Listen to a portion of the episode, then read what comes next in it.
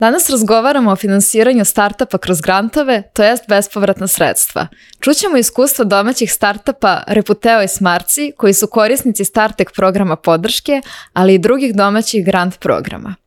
Njihovi projekti su različiti po temi, konceptu, vrsti proizvoda, ali zajednički su im uspeh u ranoj fazi razvoja i znanje o tome kako obezbediti podršku.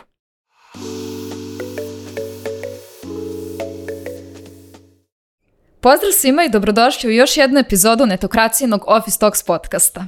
Sa mnom su danas predstavnici startupa Smartsi i Raputeo koji će govoriti uh, o svojim proizvodima, ali i o Startek programu koji se već tri godine organizuje u Srbiji u organizaciji Naleda i pod uh, finansijskom podrškom Philip Morris kompanije. Dobrodošli. Bolje te našli. Da.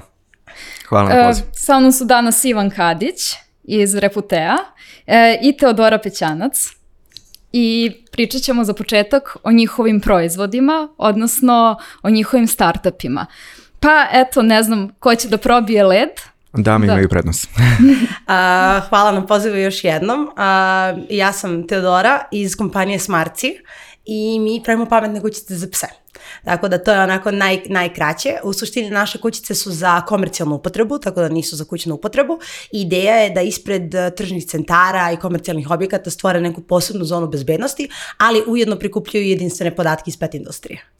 A, dobro, a, Vaš proizvod je jedinstven na tržištu ili već ima sličnih proizvoda? Na našem tržištu i na tržištu Evrope smo u suštini potpuno jedinstveni, ali je dobra stvar što je proizvod kao takav, kao pametna kućica za pse, validirana, tako da imamo neku malu konkurenciju u svetu, ali ne smatramo ih baš konkurencijom zato što ono, mislimo da je naša a, kompetitativna a, advantage mnogo veći od, od svih njih. I koja je upotrebna vrednost vašeg proizvoda? Šta tačno, ovaj, koja koju vrednost on za korisnike predstavlja? Pa u suštini za same vlasnike pasa uh, mi stvaramo posebnu zonu bezbednosti. Zamisli sada da ideš, na primjer, u tržni centar ili ideš u komercijalni objekat, mm -hmm. ideš u običnu kupovinu uh, i vodiš svog psa sa sobom. Mm -hmm. U imaš opciju da ga ostaviš ispred vezanog, može da pokisne, da se smrzne, da doživi toplotni udor. Može da ga ostaviš u kolima, u kolima zakonski nije dozvoljeno ostavljati psa kao ni de, decu, pošto je zakon o zaštiti uh, pasa isti kao zaštiti uh, dece, um, što znači da ti apsolutno odgovaraš za to ako se tvom psu nešto desi ili ako tvoj pas nešto uradi, uh, ili možda ga ostaviš naravno samo kod kuće, što opet nije, uh, nikako nije opcija. Tako da mi rešamo taj osnovni problem, mm. odnosno kako ljudi da lakše žive sa svojim psima u svojim svakodnevnim svakodnevnim obavezima, to je kao osnovna stvar. Naravno, sekundarna, sekundarna stvar je to da uh, samim objektima mi dajemo ogromne benefite gde mi privlačimo kupce koji do sada nisu mogli da dođu u objekat koji nije pet friendly, jer sada imaju gde da ostave svog psa. Um, ali i naravno naša kućica i sama aplikacija uh, privlače te korisnike, te usere, što su upravo vlasnici pasa, jer cijela aplikacija i cijela kućica se brendiraju po želji našeg zakupca. Fino. Ja kao vlasnica psa to mi uvek što bezbednost, što da li će da mu bude nešto to što se tiče toplote i hladnoće. Mada još uvek se nisam usudila da ga ostavim ispred radnje, tako da Pa generalno uh, u Srbiji uh, to je problem koji je prepoznat širom sveta, ali u Srbiji postoje jako neke onako e, interesantne Instagram stranice, mm pokreti i generalno preskliping koji mi imamo je da se svake godine, svake zime desi da se psi smrznu, da psi čak i napadnu druge pse, leti da pas doživi toplotni udar i to su stvari koje možda mediji kao glavni mediji televizijski ne prenose toliko često, ali svakako je problem koji se dešava mm -hmm. i mi u razgovoru sa generalnom našim našim kupcima i našim, našim korisnicima smo ustanovili da je stvarno potrebno rešiti ovaj problem na neki od načina i mi smo tako zapravo došli do toga da napravimo pametne kućice za pse koje apsolutno bude, nude potpuno udobnost, bezbednost što psu, što to i sigurnost i neku bezbrižnost samom vlasniku. Dobro, i šta sve ta kućica u sebi sadrži? Znači, da li ona ima neki raskladni toplotni sistem, pošto si rekla da se oni E, čuvaju od toplote i od hladnoće? Pa generalno naša kućica je napravljena, mi se onako uvek malo šalimo kao savršen, onako mali, savršena mala kućica za, za jednog psa ovaj, koja ima naravno zvučnu i toplotnu izolaciju, jer ti kada ostavljaš psa ispred određenog objekta, gužva je, prolazi mnoštvo mm. ljudi, neka čak i automobili, tako da to je osnovna stvar koju smo mi regulisali kroz zvučnu i toplotnu uh, izolaciju. Zatim imamo i grenje, imamo klimu, imamo bešumni ventilator koji, cela kućica je napravljena tako da e, psu e, da potpunu sigurnost i bezbednost i udobnost bez da ga remeti, što znači da unutra nema zvukova, nema bilo čega što, pas, što psa može da iziritira dok je u samoj kućici i dok čeka vlasnika. Jedna od najinteresantnijih svakako funkcionalnosti koja naša kućica ima, pored mnoštvo još senzora koje, o kojima bi mogla ceo dan da pričam, je e, naša aplikacija, naša live stream opcija, što znači da ti čak i kada ostaviš psa u smarci kućici i odeš u svoju kupovinu, pre, ti preko smarci aplikacije psa možeš da vidiš. Tako da u svakom trenutku možeš da znaš apsolutno stanje u kućici, kolika je temperatura u kućici, da li tvoj pas miran ili nije i bilo šta ovaj, od ostalih stvari, opcija, odnosno koje mi, koje mi nudimo. To zvuči baš sjajno i te kućice su instalirane kod objekata, je li tako? One nisu u vlasništvu vlasnika psa, nego to nisam baš najviše razumela. Da li su kućice u okviru objekata ili vlasnik pasa nosi to sa sobom? E, ne, naravno da ne nosi sa sobom. Naša kućica jedna ima preko 100 kila. To nije nešto sklopivo, nego je to nešto što uh, stoji ispred objekta i što određeni objekti su zapravo vaši klijenti, je tako? Tako je, tako je. Znači, mi smo čisto B2B, B2B e, kompanija. Mm -hmm. Mi pravimo partnerske odnose sa kompanijama kao što su komercijalni objekti, tržni centri i slični, ove, ovaj, gde mi posljedamo našu kućicu kod njih u objektima, tako da vlasnici pasa svakako nemaju taj odnos da oni kupuju taj, taj proizvod, da ga oni nose sa sobom, niti bi to bilo ovaj, moguće, a naši kupci, naši korisnici, naši partneri, koje sam sad pomenula, upravo našu kućicu postavljaju zbog te mm. lojalnosti koju pružaju korisnicima, odnosno vlasnicima pasa, koji uh, tu kućicu na kraju i koriste. Sjajno.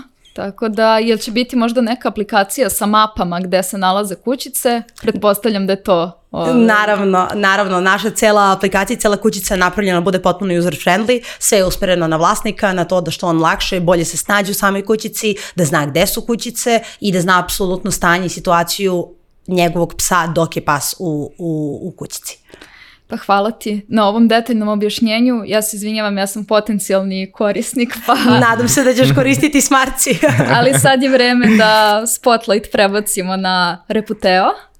Ivane, Ovaj, pokloni se i počni. Ja sam Ivan i suosnivač sam Reputeo startupa. Mm -hmm. Mi se bavimo uz pomoć veštačke inteligencije, procenjujemo rizik po gubitak reputacije. Dakle, fokusirani smo na jednu jako usku nišu, a to je gde može da nastane gubitak reputacije kada je u pitanju intelektualna svina. S tim u vezi sarađujemo sa advokatskim kancelarijama ili firmama koje se bave pretragama gde može da dođe do povrede intelektualne svojine. Mi za njih to automatizujemo i jedan sveobuhvat sveobuhvatan, unikatan alat koji je na svetskom tržištu unikatan, dajemo a, njima i takođe i procenu, odnosno njihovim klijentima, koliko je zapravo reputacija ugrožena na određenom tržištu ili za određenog e, ili za određenu populaciju e, i do sada moram da priznam da onako smo imali zaista um, dosta uspeha sa samim klijentima i um, od samog nastanka uh, uspeli smo nekako da, da iskoračimo tako da ponekad ono mi je žao što ne radimo region ili Srbiju, ali mnogo mi je drago što smo već sada globalan alat i pokrivamo sve tržišta Aha, sveta. znači vi ste više globalan alat, yes. vi ste već istupili, Tako to jest vi ste primarno istupili na, star, na strano tržište, yes. a imali konkurencije. Uh, pa suštinski um, polje intelektualne svojine je izuzetno fragmentisano. Dakle, sa jedne strane imamo softvere koji se bave um, određenim procenama, odnosno pretragom, ali oni pokušavaju da se pozicioniraju kod brendova umesto mm. advokata. Sa druge strane, advokati uh, izuzetno im je teško, jer oni kao prvi korak moraju da nađu samoj povrede i um, kao drugi korak da izvrše taj, tu procenu rizika. Uh, mi za njih automatizujemo uh, te procese i iz tog razloga uh, ovaj, imamo sa njima direktnu saradnju, kako bi ih na neki način um, ohrabrili uh, da prosto u ovom tehnološkom vremenu uh, digitalizuju svoje, svoje poslovanje. A, dobro, a možeš li da mi objasniš onako kao lajku kako funkcioniše ceo alat? Znači, da. da li je to neki alat koji je nama prepoznatljiv, kao na primjer što Grammarly koristi kada radi ovu autentifikaciju da, ili teksta. je nešto uh, malo ne, drugačije? mi smo isključivo B2B alat i mm -hmm. uh, u realnom vremenu uh, nailazimo negde na, na raznim uh, sajtovima, uh, marketplaceovima, search engine-ima uh, povrede intelektualne svojine. Uh, z- I uh, o tome obaveštavamo direktno advokatske kancelarije koji su zastupnici tih uh, kompanija ili ličnosti um, i uh, oni dalje preuzimaju, ali ono što u stvari mi radimo jeste ta direktna procena uh, gde je i na koliki način moguće da je ugrožena reputacija. Uh, takođe kada je u pitanju recimo marketing, uh, odnosno da se za određeni brand prave recimo lookalike kampanje, um, to su ipak u pitanju globalni brendovi i um, ovaj, iz modnog segmenta, ali takođe iz razno raznih drugih segmenta, pokrivamo i automobilsku industriju i individualno poznate ličnosti i oni su zaista onako i, kako bih rekao, ugroženi zato što istupaju javno i njihov brand je izuzetno javan i može da dođe i zbog loših komentara koje mi procenjujemo i radimo detekciju uh, na maltene svim jezicima sveta uh, i zbog uh, lošeg narativa uh, koji se recimo spominju u medijima uh, može da dođe do izuzetno ovaj lošeg odraza na reputaciju samog brenda ili ličnosti uh, i taj rizik uh, mora da bude onako vrlo um, specifično uzet u obzir uh, zato što nisu svi brendovi iste veličine ili klijenti i nisu jednako popularni. Uh, iz tog razloga je onako zaista nešto što mi radimo i ovaj i na koji način treniramo modele unikatno iz tog razloga smo imali tako e, ovaj da, da tako kažem uspeha na tržištu. Pa fino, obo imate već razvijene po, ove proizvode koji su izašli kako na domaće, kako na globalno tržište, ali to je sve moralo u početku da bude finansirano, je li tako? I da se prikupe sredstva da bi se sve to realizovalo. Evo Teodora, jel možeš da nam pričaš kako je izgledalo to početno skupljanje investicija i financija za projekat? A, pa to je onako uvijek jedna zanimljiva priča. A, mi smo krenuli od same ideje, naravno kao i svaki startup. Ovaj, I mi smo prvu podršku dobili od Naučno-tehnološkog parka Beograd kroz mm -hmm. Raising Stars program. A, I tada još uvijek nismo bili ni upoznati sa celom, celim startup ekosistemom u Srbiji, kako sve funkcioniše, koji su sve grantovi programi, šta sve postoji. Tako da dobili smo neko prvo mentorstvo od njih i to nam je onako bio, bilo prvo, prvo, ovaj, prva finansijska podrška. Odmah nakon toga mi smo saznali za NALED mm. i za njihov StarTech program koji je izuzetno dobar program koji daje izuzetno dobro finansijsku podršku.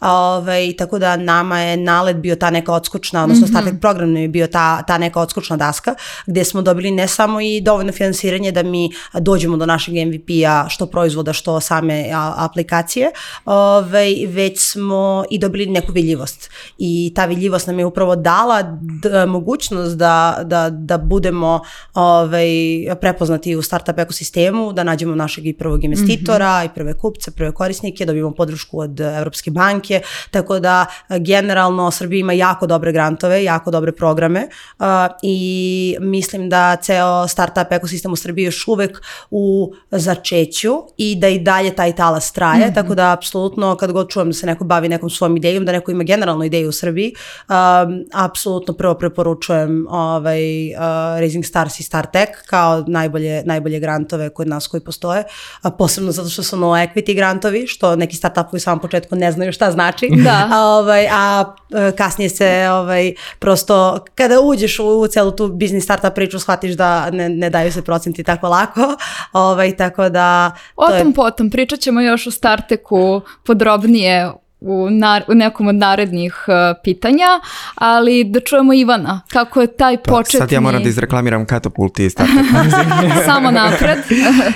um, da, s obzirom da sam, da tako kažem, ajde veteran u uh, startup uh, ekosistemu, jer sam sa prvim proizvodom startovao 2019. godine u Srbiji, uh, tada zaista i danas je neuporedivo, mm. uh, neuporediva situacija. Uh, tada smo morali da istupimo odmah na, na, na globalno tržište i da krenemo da skaliramo proizvod, jer nije bilo toliko grantova.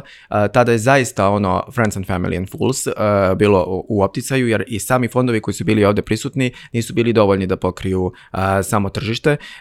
I da, tada sam uspeo da nađem investitore u UK-u, preselim firmu tamo i odatle se skaliram globalno uz pomoć investicijnih fondova iz Amerike i Engleske, ali sad onako malo da ubrzamo situaciju, danas je totalno drugačiji ekosistem izgleda nego što je to bilo tada.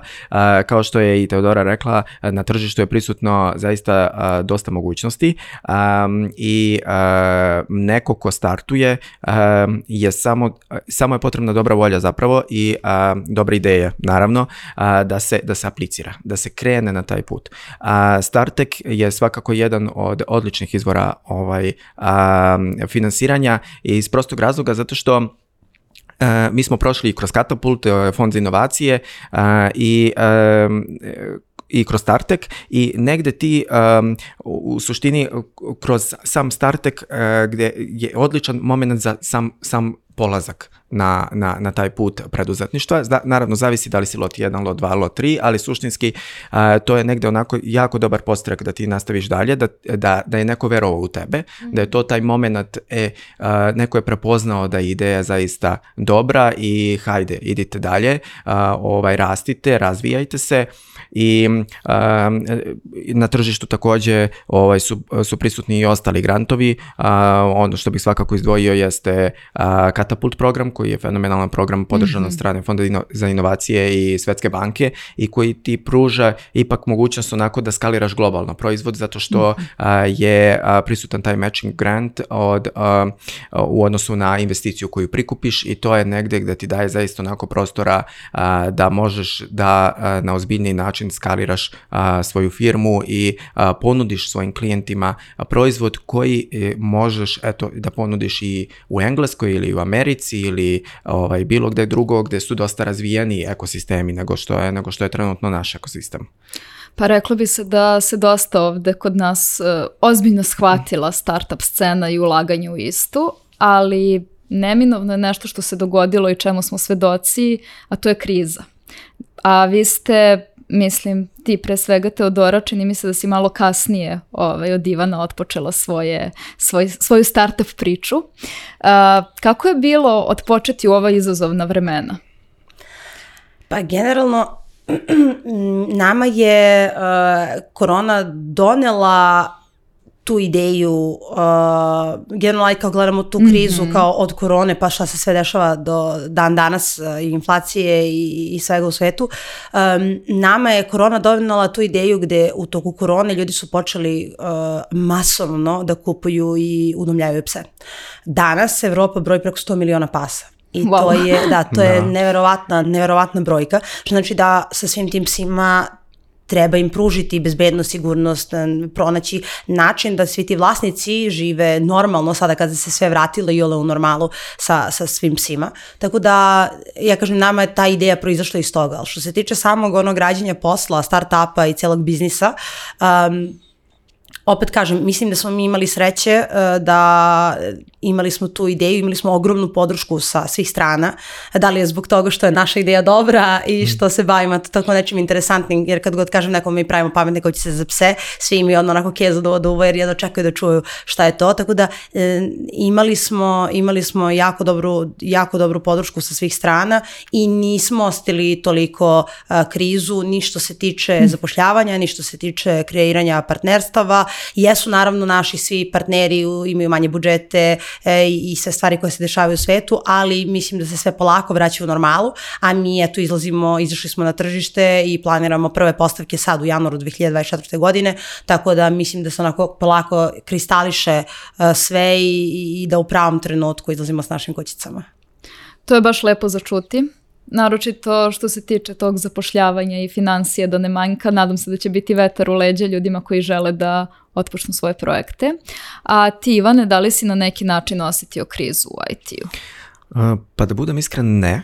Znači, uh, osim što se situacija i poboljšala, znači, mm -hmm. zato što je uh, prosto i na tržištu rade se pojavilo, uh, mi razvijamo softver i malo je drugačije nego kada razvijaš uh, proizvod iz prostog razloga što smo fokusirani najviše i na, najvećim delom na talent uh, koji imamo kod nas ovde na našem tržištu i uh, ponekad, uh, posebno ranije je bila situacija da outsourcing kompanije pokupe sav talent koji je na tržištu i jako malo ostane za startupe, jer prosto je teško da se, da se izboriš na tržištu rada, ne možeš, nisi konkurentan da ponudiš plate koliko mogu ovaj, u drugim firmama. Iz tog razloga nam je i pomoglo na neki način da, da ovaj, taj smanjeni deo outsourcing kapaciteta koji su kod nas, da u stvari više dobijemo mogućnost da sarađujemo zaista sa talentovanim ljudima koji će ubrzati razvoj našeg softvera, posebno kada se fokusirani na veštačku inteligenciju mhm. koja je nije lako ovaj, razviti u Srbiji, a, nije lako istrenirati da. prvenstveno i a, onda je zaista tu onako jedan manji pul ljudi iz kojeg možeš da,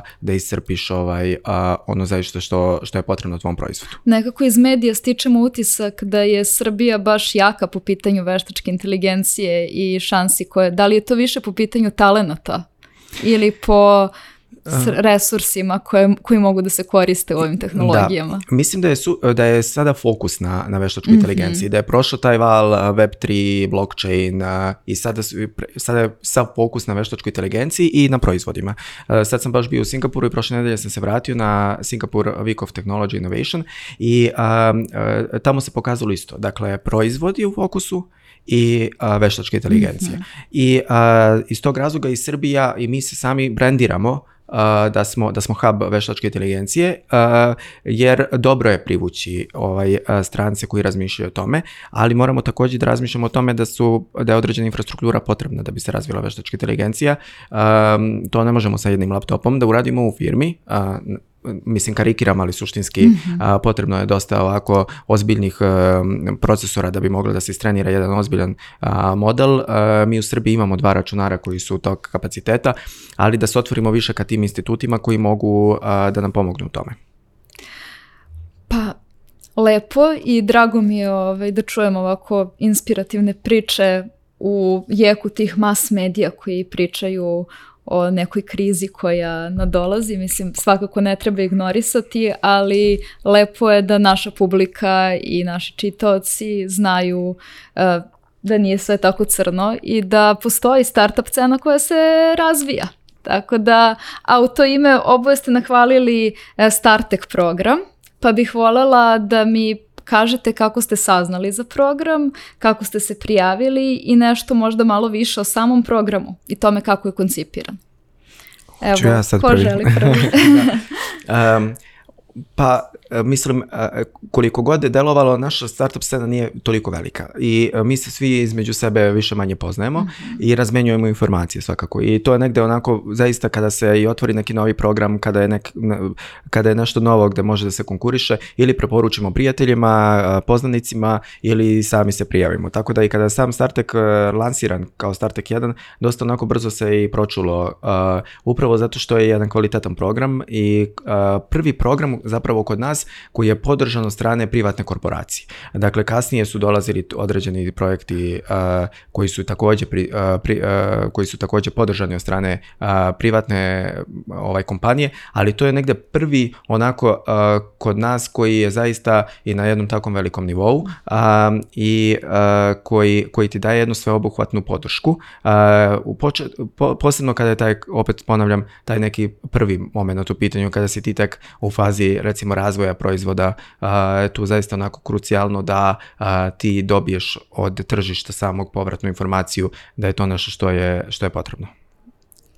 Teodora, imaš li nešto da dodaš? Ti si već malo načela tu temu kada si pričala o svom finansiranju i o svom ovaj, o svojim početcima Jel bi imala nešto da dodaš na pa, celu priču? U, u suštini se slažem sve sa Ivanom. E, startup scena je, kao što sam rekla, ono tek je u porastu i generalno se svi znamo. I ne samo sam startupovi jedni e, između drugih, nego već se prepoznaje ko su mentori i mm -hmm. ko su mhm. ljudi kojima možda se obratiš, e, što za informaciju, što za pomoć. Ovaj, tako da, da odgovorim na, i na tvoje pitanje, generalno apliciranje za program ovog tipa znači da zaista popuniš jednu ozbiljnu dokumentaciju mm -hmm. I to je nešto što startupovi možda nekad um, ne svate previše ozbiljno dok due date ne dođe i onda dođe ono par dana ranije kad treba se aplicira, ovaj, ali poznavanje dobro svog startapa, ideje, biznisa, uh, cele, cele biznis strategije, znači da ti nećeš imati problem realno da, da, da apliciraš ovaj, za program kao što je StarTech, ovaj, ali isto tako zna, uh, ti, na primjer, ono što si ti pomenuo, lot 1, lot 2, lot 3, mm -hmm. StarTech, na primjer, nudi lotove, odnosno različite nivoje finansiranja mm -hmm. i uh, možda svima, svi bi rekli kao, ok, ja ću sad da apliciram za najviše nivo finansiranja, jer ako već apliciraj mm. da dobijem što veću finansijsku podršku, ali nije ni to poente. Startup mora da zna svoje mogućnosti, svoje potrebe i kako da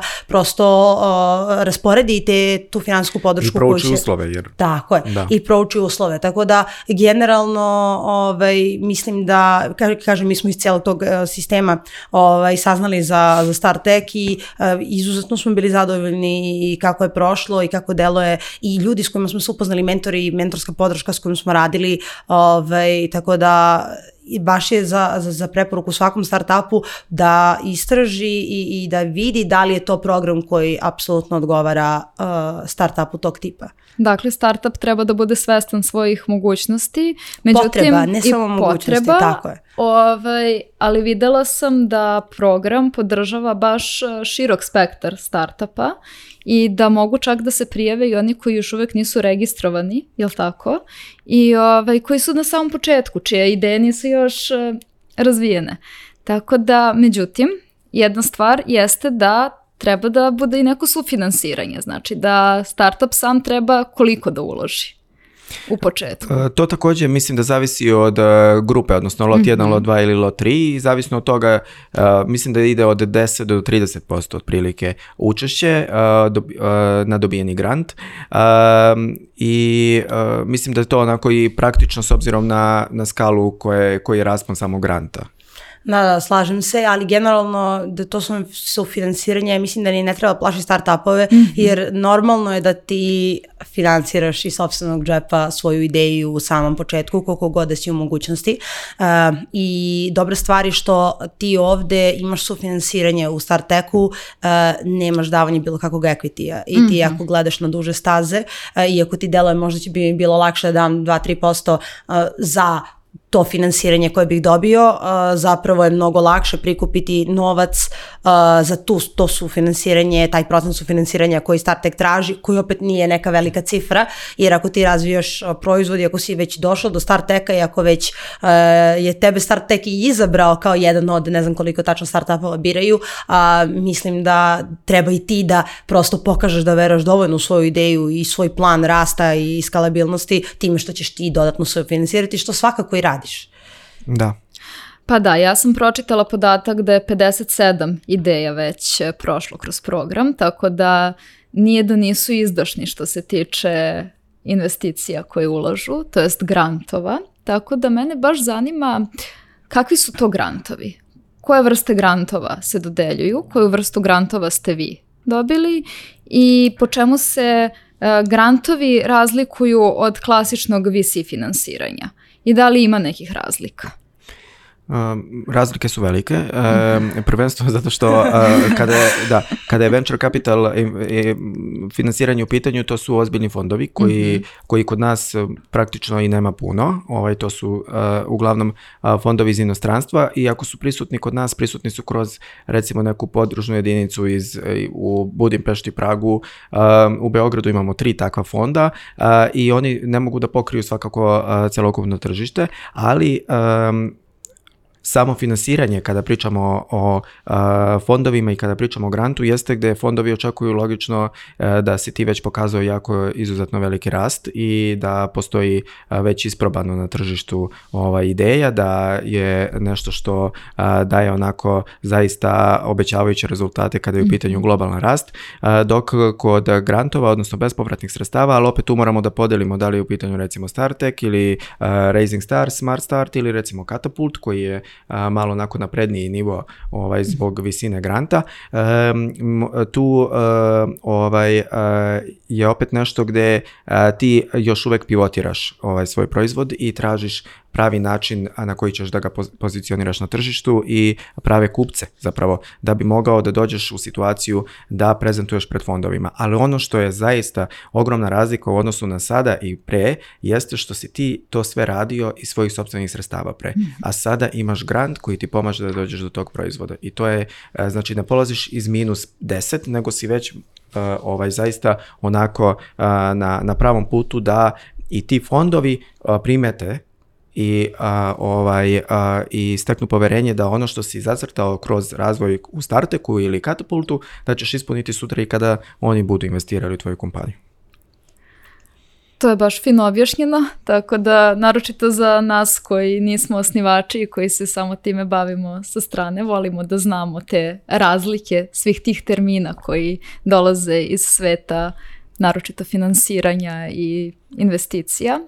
E, sad Ivane, kada si ti to objasnio, mislim da bi red bio da Teodoru pitamo da nam priča malo više o samom programu i o tome šta je on doneo, ko su bili mentori i šta to znači za njeno poslovanje. A, pa svakako, ja bih samo dodala još jednu stvar na, mm -hmm. na mhm. prethodno pitanje, da je generalno glavna razlika između grantova i vizi fondova to što grant je uh, no equity i ne traže ti deo firme, mm. znači nemaš, ne daješ ništa za uzvrat osim svog ulaganja, truda i tog malog sufinansiranja, dok vizi fondovi obično traže procenat koji vrlo često nije mali, ovaj, ali naravno to su i različiti nivoji start-upova, neće start-up koji je u, u pre-seed fazi tražiti visi fond, ovaj, nego će već morati da bude na tržištu i i da, da već uveliko ovaj, skalirao na određeni, određeni nivo. A što se tiče StartTeka, za tu neku prvu fazu, tu neku pre-seed, čak i neku seed fazu startupova, odnosno ti već imaš neku ideju, imaš svoj ti imaš mm -hmm. proizvod, uh, StartTech i slični grantovi uh, su izuzetno dobra stvar, jer ti naravno dobijaš finansiranje i to je glavna stvar jer svako razmišlja o financijama i svakome trebaju pare za sve.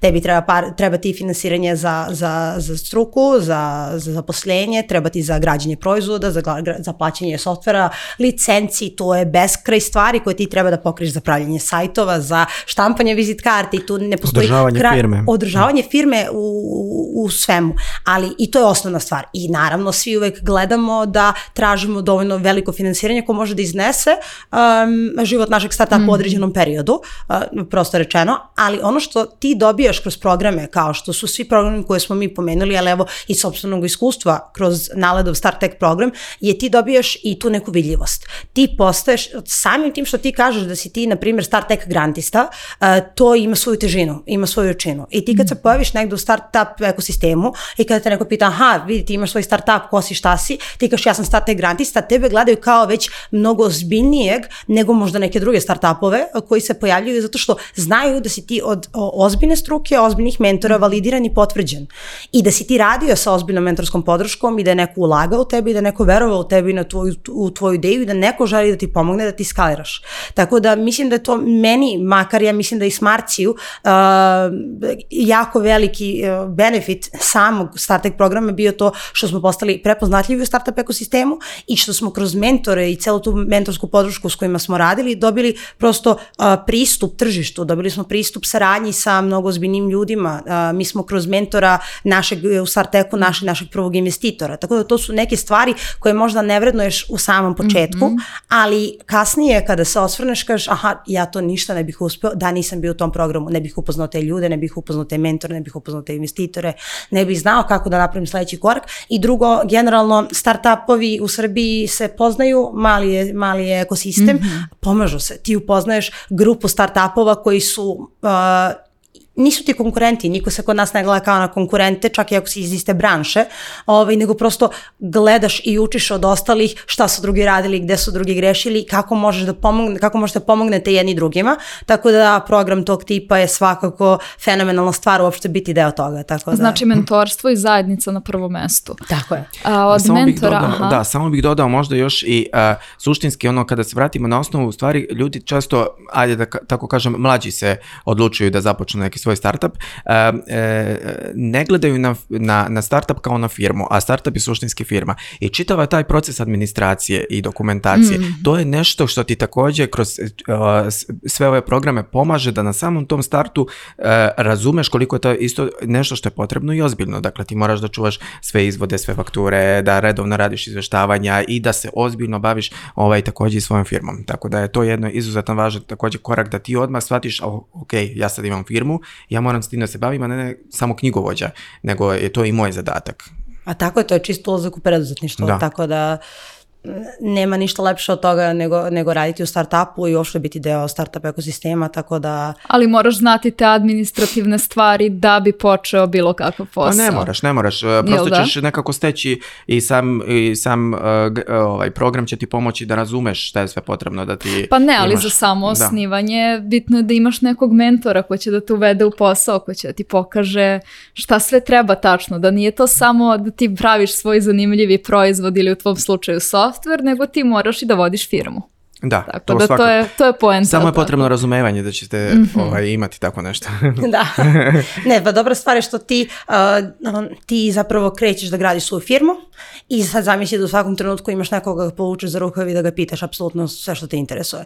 I da je taj neko tu za tebe i da je neko tu da ti pomogne. Niko ne može tebi da pomogne šta ćeš ti reći sa svojim proizvodom i šta je to što je tvoja ideja, ali u vođenju firme i o možda nekim pravim koracima koje ne smeš da preskočiš, ovaj, kao na primjer zaštita IP-a, ovaj, tu su upravo mentori programi ovog tipa kao školica. Školica startupova. Da. Nebitno da li si veteran ili, ili si uh, junior kao što sam ja u, u celom startup ekosistemu, ali svakako svako, svaki startup treba da prođe kroz grant ovog tipa. Školica za start-up. Super zvuči.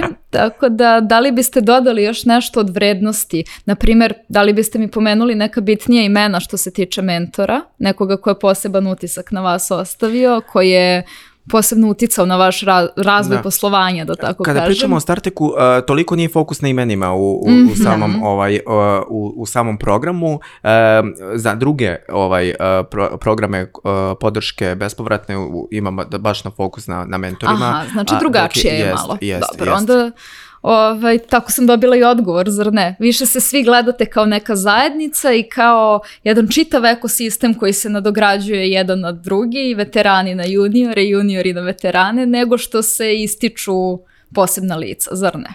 Jeste, ali ja bih samo dodala da StarTech, eh, naravno sve ovo što smo do sada ovaj, pomenuli, uh, oni um, održavaju odnos i kontakt sa svim startupovima i ti čak i kada si prošao to, kroz taj grant, ti si i dalje deo toga. Eh, mi smo, na primjer, leto sa StarTechom išli za Beč. Da, Išli to sam smo- htjela da vas pitam u posebnom segmentu, ta putovanja, znači to je poseban način, jel tako, da se zajednica dodatno učvrsti. Tako je. I šta ste radili tamo? Kako je to koncipirano? Mm, Da, mi smo u suštini do- dobili priliku, Smarts je išao na uh, Vienna, odnosno na Startup World Cup, gde smo imali prilike da, da prvo vidimo kako izgledaju startupovi iz celog sveta koji su došli u Beč da se takmiče. Ovaj, drugo, dobili smo priliku da se mi tamo networkujemo, konektujemo sa, sa drugim startupovima iz iste ili slične branše, uh, da upoznamo strane investitore, da vidimo kako to izgleda na nekim stranim tržištima, jer naravno i mi ako krećemo od Srbije, nama je ideja da mi budemo skalabilni u celom svetu, jer konkurenciju u celom svetu nemamo. Ovaj, tako da um, uopšte prilika otići i uh, dobiti pristup nekim osobama koji su od izuzetne važnosti ovaj, za, sutra tvoj razvoj, da li su to investitori, mentori, VC fondovi ili slično. Im uh, StarTech je nama, eto kažem, dao, dao tu priliku da, da odemo sa njima u Beč, gde smo stvarno stekli jako dobre kontakte ovaj, s kojima smo ovaj, u nekim, eto, pregovorima i pričama i svašta može da se izrazi iz takvih putovanja. Dakle, neke buduće saradnje su na Tako pomoru. Jeste, samo prilika za otvaranje novog tržišta. Dakle, ali kada uzmemo u obzir Austrija nije samo jedno tržište, to je tržište Europske unije, već ako si Tako. otvorio tržište Austrije, tako da a, prosto taj moment gde ti imaš mogućnost da tu, a, e, i to je negde gde, a, kao što si ti rekla, a, ti dolaziš već kao grantista određenog programa i automatski si i takođe i od strane te domaće publike tamo negde drugačije posmatran. Zato što i oni znaju, ok, on je prošao neku određenu validaciju ovaj, uh, od, strane, od strane tržišta i uh, sad je već u fazi skaliranja proizvoda i, i, i sama želja da se, da se plasira na tom tamo tržištu. Tako tako Dobro, ja sam sebi navela da vas pitam za opšte utiske vezane za StarTech, ali čini mi se da ste i više nego odgovorili svojim pozitivnim iskustvom. Ali šta bi bila poruka za sve one koji žele da krenu vašim putem i koji žele da se prijave za ovakav program? E, Da li imate neke savete za pripremu ili koje uslove bi trebalo da ispune? Mogu ja prvi. e, nevezano samo za Startek. Do, m, mislim, svakako će i Teodora da priča o tome, ali a, s- za svakoga ko pomisli ovaj, da krene u, u neki svoj poduhvat, mislim da prvo bi trebalo dobro da razmisli. Upravo ta priprema sama dokumentacije kada se prijavljuješ za neki program Startek, e, kao što je Milica rek, kao što je Teodora rekla, e, moraš da popuniš određenu dokumentaciju koja je ozbiljna dokumentacija. Ali ta, to- je kao neki znači fakultet gde ti suštinski gledaš svoju upornost ovaj, da ćeš moći da konstruišeš tu ideju koja ti je u glavi. Jer se često dešava, ne ilazim, ovaj, siguran sam i ti, da ljudi kažu, e, imam ideju, to je fenomenalna ideja, ovo će da osvoji svet i ostalo, ali sve se završava na jednu ili dve rečenice ili a, na samoj nekoj želji i sad se očekuje da će sad odmah neki fond da dođe iz Amerike, to da e, tu ovaj, investira i da, da se skalira eto iz neke čisto onako želje da se započne startup. Startup je veliko odricanje. Znači imati startup to znači zaista odricanje i ako neko hoće ozbiljno da se bavi, onda neka krene tim putem, ali ukoliko to smatra samo eto hajde da se prijavim pa možda i dobijem, ali vidjet ću kako ću i na koji način iskoristiti tu šansu, onda iskreno što se mene tiče i to je moje mišljenje lično, znači bolje je ne kretati tim putem. Dakle, zato što prosto možda i nekome drugome se i uzme šansa, možda i, i, prosto to i nije nešto što, što e, tu osobu toliko interesuje i zašto je spremna da se žrtvuje zaista, jer uh, kao što sam rekao i odricanja i žrtva uh, je imati firmu dok ne naraste na određeni nivo. A, slažem se apsolutno sa svima, ali kao, e, ajde ja da sad krenem na malo vedriju, vedriju stranu. to sam baš htela da kažem, stranu ohrabri ih malo. Da, malo da ih ohrabrim. U suštini, a, mislim da treba a, uzeti u obzir da mi živimo u Srbiji, koja je izuzetno mala zemlja i gde ti a, vrlo lako možeš dođeš do bilo koga, realno. Ovaj, što znači da ti ako imaš dobro, do, dovoljno dobru ideju, ako dovoljno dobro veruješ u svoju ideju, sa svim programima koje ti Srbija trenutno nudi, opet u tom začetku, jer Srbija nekako zašla je u taj startup svet, a, sad se odjedan put nude stvari, svašta će se nuditi i naredne godine, a, otvaraju se mnogo velika neka ovaj, polja, Em, treba iskoristiti treba započeti, m, imaš šta da izgubiš, naravno, ali mnogo više toga imaš da dobiješ. I ne, smeš da dozvoliš apsolutno da posustaneš za svojom idejom, jer kažem mi kad smo krenuli svi su bili kao pravite pametne kućice za pse. Šta, šta, ćete, šta će ljudima pametne kućice za pse? Ja Međutim, vidim upotrebu, ja vidim Jeste, čujem. ali da smo ti došli sa idejom pre dve godine kada smo krenuli da se bavimo time, apsolutno je bilo drugačije. I uopšte, um, upravo zbog tog prisustva svih tih programa, Mhm. zbog uh, lakoće dolaska do, do mentora, do, do i, i uopšte partnera i drugih start-upova, nekako uh, vidiš šta su drugi radili i to možeš da prekopiraš i možeš polako da ideš tim koracima. Ekstremno je teško, ekstremno je odricanje, ali ne postoji ništa lepše nego znati da, hej, ja sam iznao svoju ideju do kraja, evo mi ideja na tržištu, uh, bit će kućice postavljene, mi smo verovali, nismo dozvolili da nam bilo ko ospori tu ideju i ja kažem da smo mi stvarno onako jedan školski primer startupa, gde smo apsolutno i kolega i ja bez ikakvog ono pre, pređašnjeg iskustva u startup ovaj, ekosistemu došli do toga da eto pregovaramo da, da kućice postavimo u celoj Evropi. Eto, i to je jedan lanac. Sad pogledajte, znači, e, imali su ideju kao tim, krenuli su, prijavili su se i neko je verovao i dao im mogućnost da razviju tu ideju. Oni su tu šansu iskoristili. I ono što je suštinski najvažnije jeste što su realizovali svoju ideju i što su promenili život određenim psima u, u, Beogradu i kojim, s- u Srbiji imate na više lokacija ovaj, a, i to je ono što je u suštinski najvažnije. Znači taj pas se ne smrzava više ispred, ispred ulaza, ali da bi se to desilo, čitav lanac je morao da se, da se prosto pokrene i a, ko nije spreman dakle, da krene cijelim tim putem i vidi sebe na kraju tog puta gdje se ta ideja zaista realizuje. Ja mislim da si ti najponosnija onog trenutka kada šetaš normalno ulicom negdje u Beogradu i vidiš da, da e, svoju pametnu kućicu. Dakle, e, to je u stvari ono što je najvažnije kod, kod svakog osnivača koji započne. Dakle, da napraviš tu promenu kod svoje target grupe.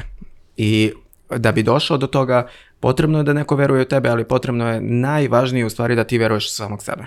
I da prepoznaš potrebe korisnika.